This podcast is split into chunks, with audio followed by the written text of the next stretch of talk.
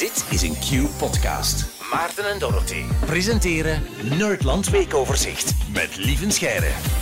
Dag Lieven, goedemorgen. Een goedemorgen. Hoe was het uh, Nerdland Festival afgelopen weekend? Het was heel vermoeiend, maar uitermate fantastisch. Het mooiste nerdsfeestje van het jaar. Uh, vele dingen kunnen doen, vele um, jongeren kunnen enthousiasmeren. En uh, ja, prachtige demo's. Hè. We hebben in een echt dinobot geboord bijvoorbeeld. Wow. Dat uh, maak je niet zo vaak mee op de gewone zaterdagvoormiddag. Nee, nee, nee. En om een beetje in het wetenschapsthema te blijven, val je dan nu in een zwart gat? Oh. Of heb je al nieuwe plannen klaarstaan, lieven?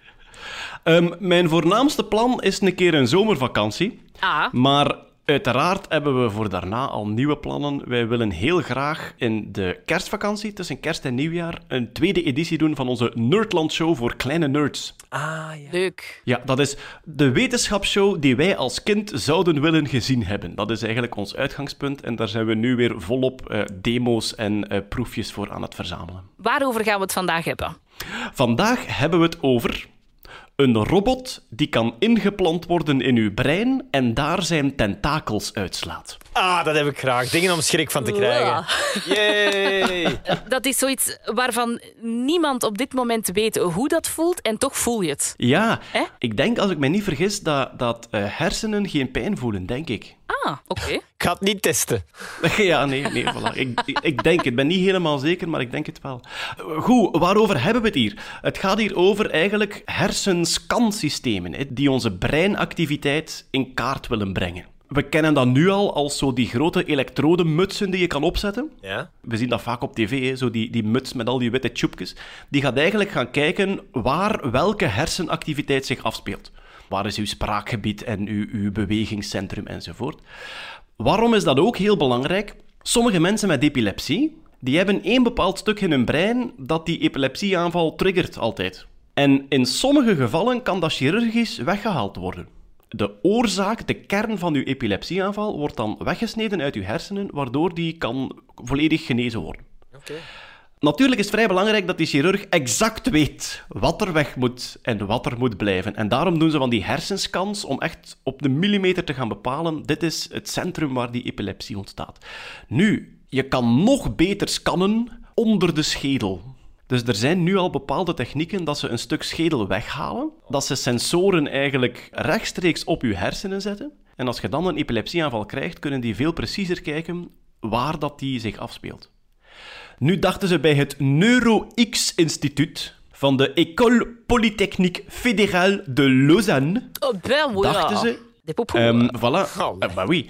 En nu dachten ze, misschien in plaats van zo een groot stuk schedel weg te halen en daar een sensor op te zetten, misschien kunnen wij een robotje maken. Een soft robot heet dat. Dus geen metalen onderdelen, maar alles zo een beetje gelei-achtig. We maken een gaatje van een centimeter diameter in de schedel. We plaatsen die soft robot daarin. En onder de schedel, tussen de hersenrand en de schedel zelf, de binnenkant van de schedel, gaat die dan zes tentakeltjes uitspreiden. Oh. In een soort stervorm.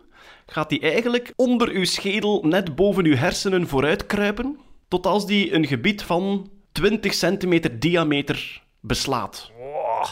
Dus je hebt een gaatje gemaakt van 1 centimeter diameter, maar de sensoren spreiden zich uit tot 20 centimeter diameter, waardoor dat je bij een epilepsieaanval enorm precies zou kunnen bepalen waar die bron precies zit.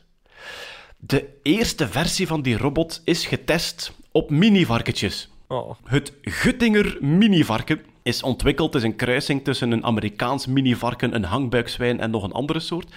En dat dier is ontwikkeld omdat het heel handig is om testen op te doen voordat je het op de mens test. Alleen zijn ze zo schattig dat ze enorm veel als huisdier gehouden worden. Ik denk dat er zelfs adoptieplannen zijn. Hè? Dus als, als, een, als een varkentje gebruikt is voor bepaalde medische testen, eh, dat je het daarna kan adopteren om het een, mooie oude dag te geven. Het Guttinger minivarken. En dus bij die minivarkens hebben ze het nu getest met um, van die kleine soft robotics elementjes, maar dan met tentakeltjes van, ik denk, 3 of 4 centimeter. En dat lijkt heel goed te werken. En nu willen ze het dus groter maken tot 10 centimeter.